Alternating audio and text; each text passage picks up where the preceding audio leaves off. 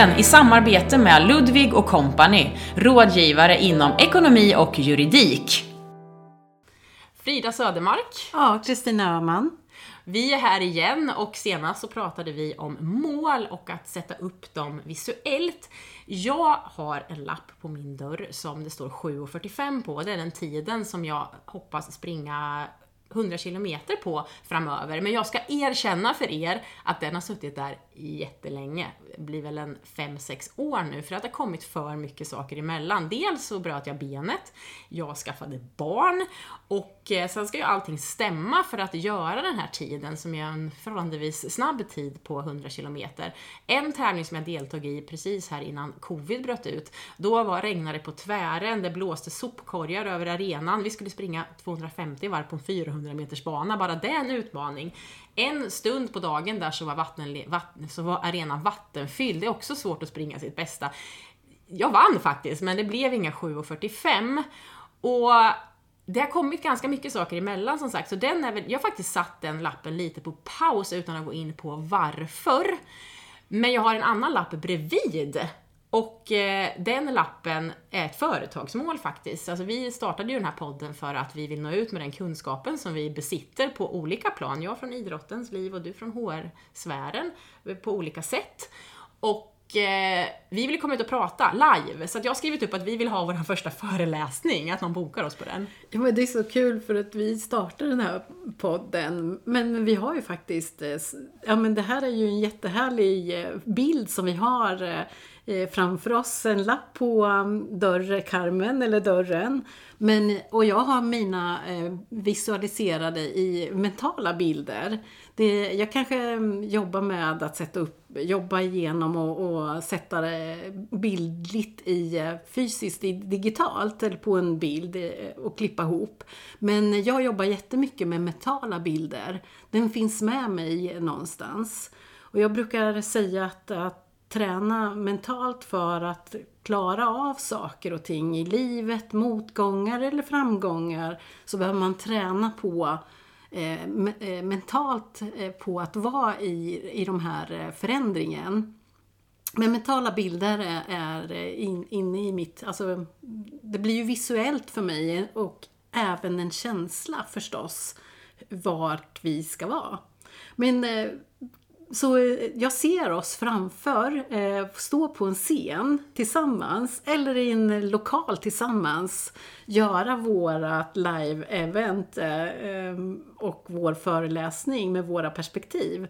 Och um, det gör vi naturligtvis tillsammans med den som skulle vilja boka oss. Men, eh, ja, men även om du har den, du har den, den eh, målbilden mentalt framför dig, eller bakom dina ögonlock, eller alltså mentalt i huvudet. Och trots att jag har min lapp 7.45 eh, på dörren och den är inte nedlagd, nedlagd men jag har pausat den av olika skäl. Så har jag också alltså som ett komplement mentala bilder som jag kan plocka fram när det blir tufft. Alltså de mentala bilderna, eller jag har lite olika, det är väldigt bra, ett litet kartotek med mentala bilder, för många gånger kan det bli tufft. Men en känsla, eller bild som jag plockar fram många gånger under ett lopp, ett långt lopp, det kan vara när jag springer på ett av mina, en av mina favoritrunder. Det är, jag har kommit lite mer än hälften. Jag springer över ett väldigt vackert gårdstun. Jag brukar ta den här rundan innan frukost, så det är ju frukost som belöning efter det här också. Och där, där, där känns det bra i min kropp och där kan jag plocka fram någon gång när det känns sämre i min kropp. Och det finns andra bilder jag också plockar fram. Det kan vara härliga målgångar när jag presterat på topp. Och så kan ju du också göra att när det känns jobbigt, framkalla känslan eller bild, kanske kombinationen av när du lyckades sist. För det kan ju ge energi in att fortsätta när det är motigt. Ja, absolut. Och mycket som du eh, kopplar mot idrottsvärlden så har jag ju också tränat eh, friidrott en gång i tiden. Men, men det fortfarande i mitt vuxna liv har varit väldigt viktig mental bild att ta, ta med mig in i att eh, våga göra saker när man är väldigt, väldigt nervös och faktiskt klara av att eh, genomföra det ändå. Springa ett lopp, ett kort lopp eller, eh, och, och ändå ha den mentala bilden och kunna luta sig på att det faktiskt går att vara väldigt nervös och ändå genomföra saker. Det har varit otroligt viktigt i mitt liv. Att kunna plocka fram den här, när man kanske då ska hålla sitt eh, första uppdrag i livet. Eh, nu kanske vi båda är vana att göra det idag, men när man har varit nervös för att prestera någonting att det har varit en eh, jättefin bild att ta med sig och plocka fram. Mm, smart, så vi Ja. tänker att det gick då när jag var yngre och nervös, Ja, jag kommer det gå nu också. skakade ju av nervositet när jag skulle springa 100 meter. Och ändå så tog jag mig ur blocket och sprang 100 meter. Så att klara av att vara så nervös, ja men det har varit jätte, jätteviktigt. Där skulle jag vara jätte, eller jag skulle inte vara nervös om jag startar på ett 100 meters lopp. Jag skulle mer vara, jag skulle ju bara tänka att det här kommer bli så sjukt jobbigt och då tänker ni, men du springer ju 100 kilometer, hur jobbigt är inte det?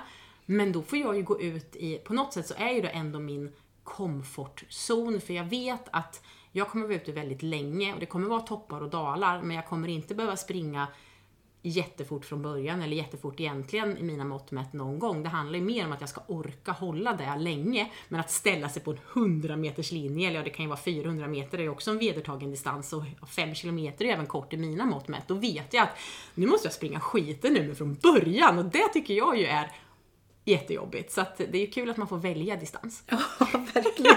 Sen är frågan hur många som hade valt min. Nej, inte... Men jag är ju väldigt glad, och det är ju, det är jag ju så glad över saker man ju har lärt sig av att faktiskt orka hålla på så länge, vad som händer i kroppen, vad som händer i huvudet, det är ju så fascinerande. Mm.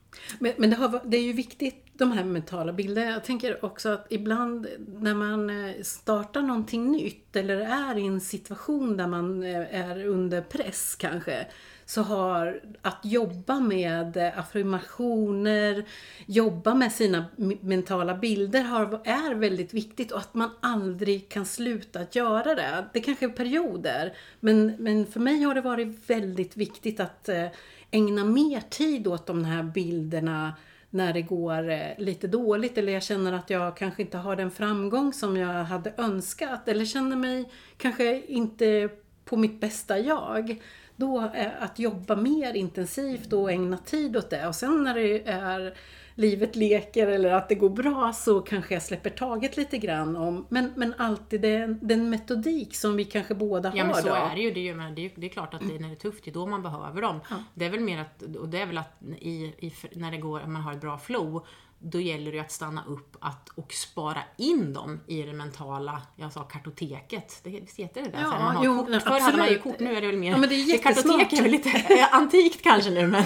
Det är inte men, digitalt. Nej, det är det dig- dig- digitala arkivet Men, kanske. ja. Mm. Så man kan plocka fram det. För att många gånger så kanske man inte är i stunden när det faktiskt känns bra. Utan man är, fortsätter man det här med reflektionen och att man tar en liten, eh, klipper ut en liten bild där som man faktiskt kan plocka fram. Så det är väl det arbetet man får jobba med när det känns bra. Så man ska väl inte säga att man inte behöver jobba mentalt då, men det, där är det väl mer spara grejerna för att kunna plocka fram dem tänker jag. Mm. Och och jag tänker att vi är inne på hur man klarar av det personliga ledarskapet i självledarskapet. Alltså hur man jobbar med olika delar. Med, eh, målsättning, visualisera det, men också den mentala styrkan att, att skaffa den och hitta verktyg för att eh, kunna leda sig själv framåt. Ja, men det är ju Och- där det, är ju där, det, det hela, det är därför vi, det är där vi Det- vill göra, det är där vi gör hela tiden. Ja. Mm. För det är där i grund och botten handlar om för att ta sig framåt. Och med det sagt så har vi ju också vissa vad ska man säga, vissa vetenskapliga grunder att stå på, eller vissa så koncept som vi gärna vänder tillbaka till Mm. och, och, förhåller oss till. Och ett av det är ju det tillitsbaserade ledarskapet. Ja, vi har varit inne och snuddat på det. Men jag tänker då, då eh, vän av ordning här då, eh, att vi kan läsa lite eller göra ett citat från en bok eh, som Louise Bringselius har skrivit om tillitsbaserad styrning och ledning. Och i den så är, är det, finns det en definition på och, mm, tillitsbaserat ledarskap som låter så här. Med tillitsbaserat ledarskap lägger du som chef tonvikten vid tillit som förhållningssätt och styrprincip och visar framförallt tillit till de anställda och medborgare som möts i kärnuppdraget genom att tydliggöra uppdraget till medborgaren, kompassen, stötta och motivera, coacha, samt skapa handlingsutrymme och förutsättning eh, du är vägröjare.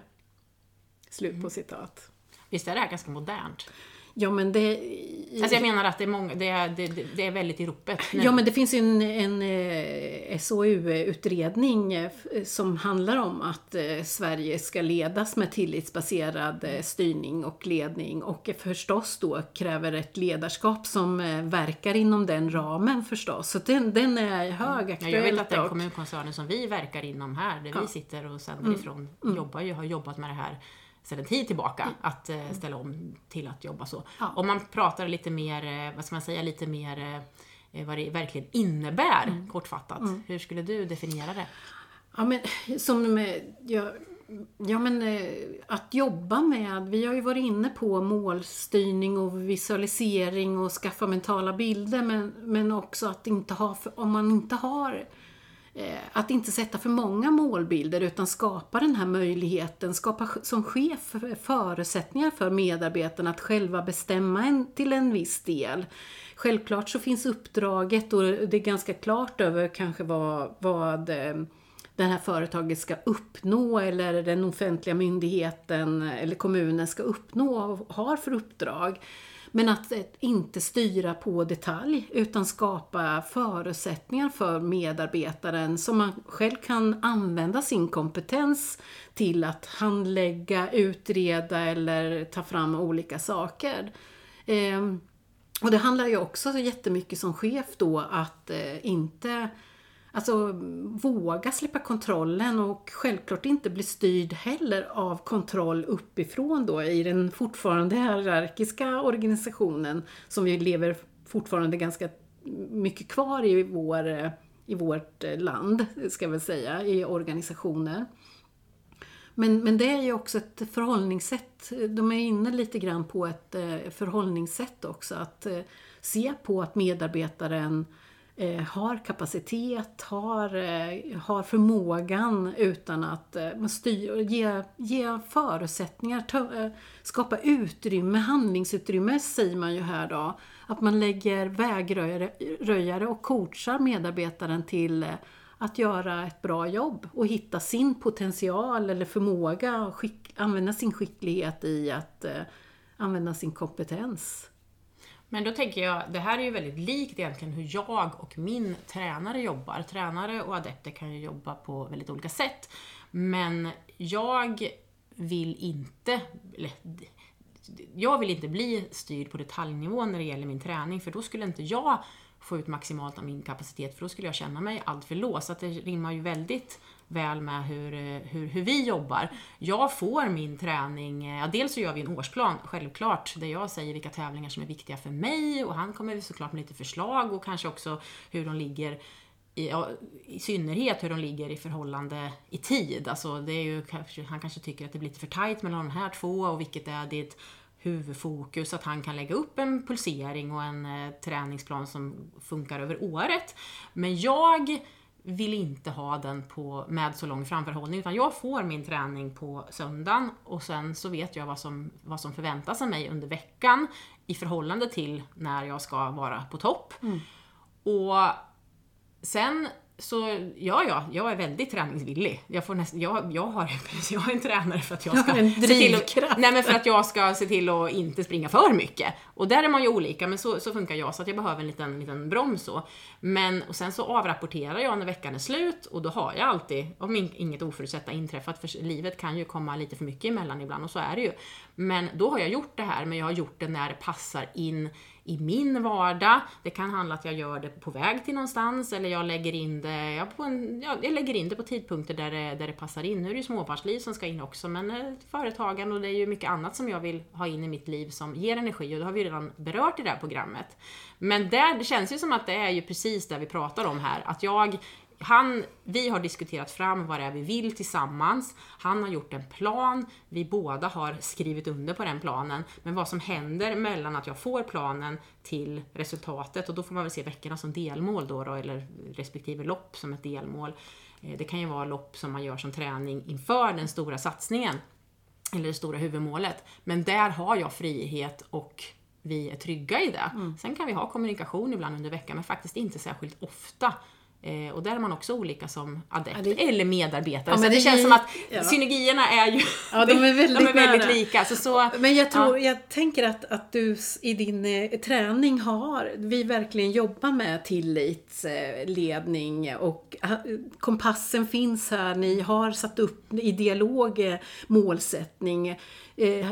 Den här tränaren coachar dig under vägen om det går bra eller dåligt eller liksom hur känns det nu? Och eh, kanske också hjälper dig att hitta vägarna förbi de här olika mm, guppen som kanske uppstår i din träning. Jag är inte lika säker på att man vågar vara så eh, lös i kanten om jag får uttrycka mig så. Att, att här, det är så lätt att tro att man inte når målen om man inte styr väldigt kraftfullt på eh, statistik, eh, eh, mätningar och så vidare i, i en verksamhet. Att, att det här tror man att man inte når målen om man inte styr väldigt kraftfullt på detaljer. Så här är ju olika filosofier. Att vi tror ju, om om man mer går mot det, som ni, det samarbetet som ni gör till att applicera det på organisationer så tänker jag, där jag har befunnit mig så finns det en bit kvar.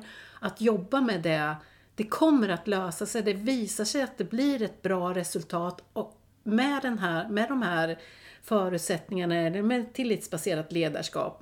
Men vi lever fortfarande kvar i en, en annan tänk om styrning, eh, lever kvar i vår eh, värld eller på arbetsmarknaden. så det handlar lite om att våga egentligen, att våga släppa eller? Ja, det tänker jag verkligen att För jag har ju många, av många, många, nu sa jag att vi har inte särskilt mycket dialog under veckan, för att jag fungerar så, men jag vet ju andra som tränas, ja, dels av den här specifika tränaren, men som måste höra av sig efter varje träningspass och snackar ju hål i huvudet på tränaren och det blir ju, ja, alltså har inte riktigt eh, det egna eh, Eh, överblicken eller, eller, eller tron på sig själv kanske man ska säga. Man måste ha den här instant feedback och då då hinner man ju inte vara den här, då- det är svårt då, då finns det ju ett glapp till att det här ska fungera så som, eh, så som eh, filosofin är tänkt. Mm.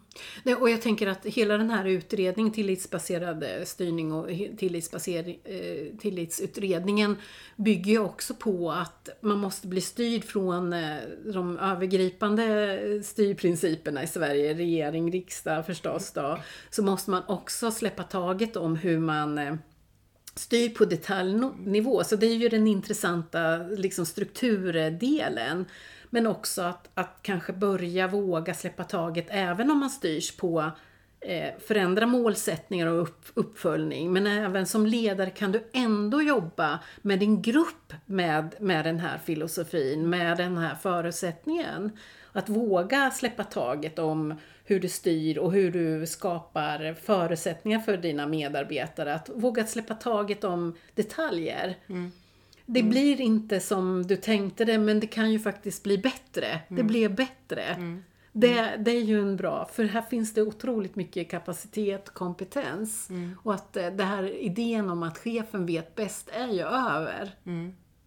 Ja, och det har ju blivit väldigt påtagligt när vi har gett oss iväg i, i eh, landslagssammanhang. För då har vi ju en annan coach, en landslagscoach som man är inte är van vid att bli styrd av. Men eh, det är ändå en lagtävling trots att det är en individuell idrott när vi har gett oss iväg de här Ja, jag har haft den äran att representera svenska landslaget fyra gånger och då har man alltid ett, ett upp, eller uppföljande, vad säger jag, ett, in, alltså ett, en, en upptaktsträff eller läger så. Och, och eh, man får reda på vad det är som gäller, vad man förväntas. Till exempel att vara kvar på banan, även om det blir tufft. Det ju, kan ju låta, grund, låta som att det är en väldigt grundläggande grej, men den ska inte underskattas, eller ska inte underskattas i hur, det, hur pass tydligt det måste, måste kommuniceras. För där är det ju också, ja men man ger sig ut på banan och man ska ta sig i mål och däremellan så är man ju fri att jobba med detaljerna i form av energiintag och det kan vara mentala strategier och det kan vara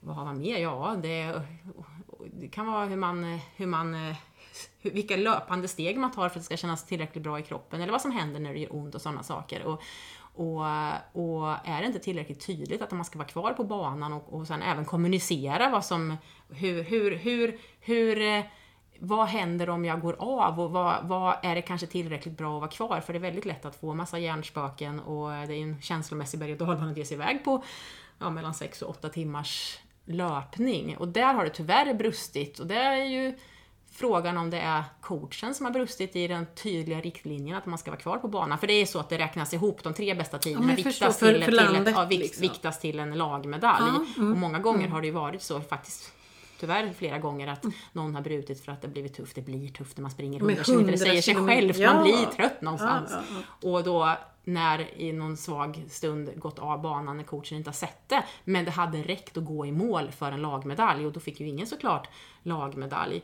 Och det handlar väl både, skulle jag säga, om eh, alltså, tillitsbaserat ledarskap men också det alltså, personliga självledarskapet i förhållande till det. Alltså att man, eh, ja, nej men det, det finns väldiga Ja, synergier där. vi, jag tycker Mm. att vi närmar oss team, teamet som eh, eh, kraft och eh, Mm. vilken möjlighet det finns att det är, du har naturligtvis en enskild prestation eller en, en enskild kompetens. Ja, för men- många gånger kan det ju vara att det man, man, man, många har Eh, många människor har ju väldigt höga, eh, eller det finns ju en stor dos av prestationsångest många gånger och man kanske tycker att det här var inte tillräckligt bra och vad ska, nej men eh, det här duger nog inte. Men många gånger kan det ju vara tillräckligt bra kan ju vara skillnaden till att projektet kanske går i lås. Mm. Någon annan gång så är det en själv som var den som presterar bäst och någon annan kanske hade av olika skäl, det kan ju handla om också om yttre omständigheter, man kanske inte hade fått de verktygen som krävdes, man kanske inte hade blivit coachad tillräckligt. Nej, men- Alltså,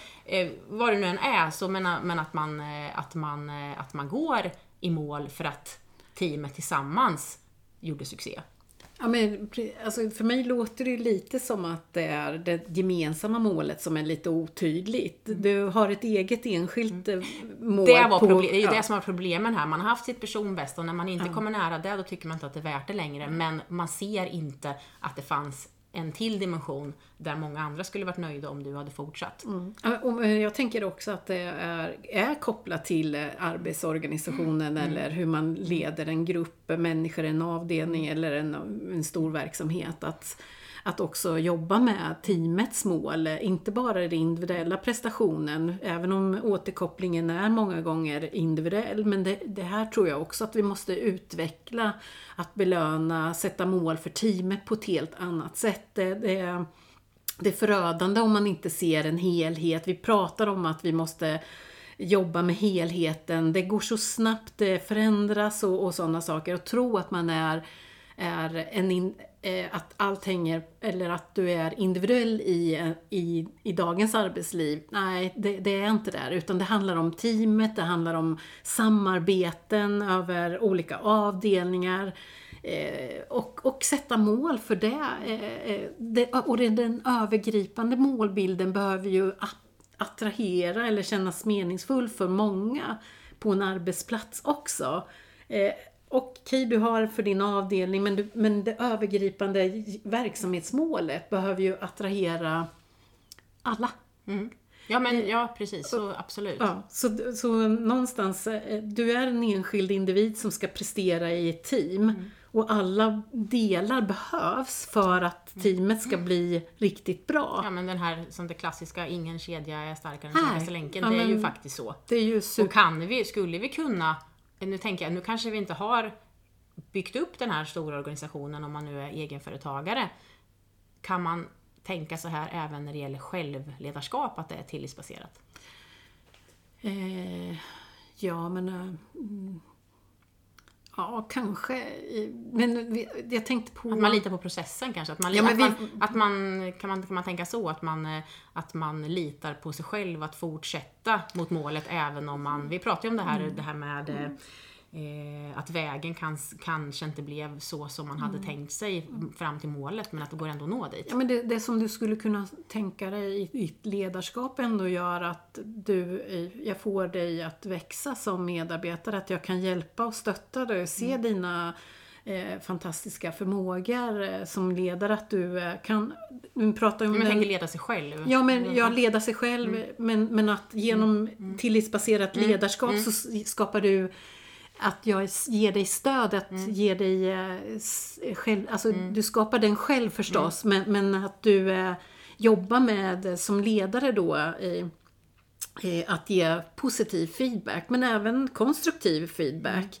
Så att du kan leda dig själv och få vägledning i att v- göra kloka val, eh, värdegrund och alla de här bitarna. Men, men att det är du som drivs av det här med den här idén om att vilja lösa det här uppdraget på allra bästa sätt. Men du kan skapa fortfarande en dialog om det och skapa medarbetare är olika, behöver olika stöttning. Eh, coachning kanske för att jag bli sitt bästa jag. Den kan du ta, ta dig an och ha, vara coachen, vara vägröjaren och kompassen. Så att du som medarbetare eller ett, ehm, idrottare kan göra ditt allra bästa. Tro på dig själv. Så, så att du blir bra i ditt självledarskap. Så ja, jag tror det. Ja. Ehm, Och vi kommer väl lite in här på eh, våran förra herre tänkte jag säga, men Pink som vi säger rätt nu? Från- Ja, han heter David, han heter David Pink Ja, eh, som pratar om eh, självbestämmande, skicklighet eh, och självbestämmande i att få bestämma ändå eh, lite i, kanske olika nivåer förstås. eh, Men du gör det genom att få ett upp, eh, en träningsuppdrag. Här sätter vi mål i en organisation men du får göra huret själv. Du får göra genomförandet med egen förmåga. Och skickligheten då, ja men drivkraften att vilja göra sitt allra, allra bästa och vilja utvecklas. Absolut. Och sen meningsfullheten att det här uppdraget, den här myndigheten, kommunen eller vart du nu befinner dig i ditt företag, att vilja göra skillnad, att göra det allra, allra bästa. För teamet kanske då, i det här Ja, vi kommer läget. tillbaka till det här med purpose och meningsfullhet hela Ja, tiden nästan. ja. Å- Det är oavsett- sån stor Ja, drivkraft. precis. Och du har ju gjort någonting som är så eh, bra. Du har ju faktiskt sammanfattat det här med självledarskap ur vårat perspektiv i en jättefin mindmap. Vart finns den? Ja, men den ligger ju på våra eh, hemsidor. Så där, titta in på Fridas och respektive, jag vet inte om jag ska säga, Ja, nej men titta in på våra hemsidor och Ja. titta där vad vi, hur vi, hur vi, har, hur vi jag och Kristina samlas kring det här med ledarskap och få inspiration genom den tankekartan. Jag blev väldigt inspirerad när jag såg hur du hade sammanfattat våra tankar. Och den mynnar ju, det gjorde vi ju egentligen första tillfället när vi träffades och ville skapa den här podden. Vad har vi gemensamt? Och jag tänker också att, eh, att eh, det spännande med våra två, vi helt kommer från olika områden. Men eh, att vilja göra något tillsammans som team eller som eh, att, att göra någonting tillsammans, åstadkomma, göra varandra bättre. Fast vi kommer från två olika håll. eh, Men vi möts med att vilja göra någonting tillsammans som skapar meningsfullhet till oss själva men också andra förstås. Att dela med oss av vår kunskap och Mm, insikter in och och, in och erfarenheter. titta på den så ses vi igen snart. Ja, Tack! hej! Música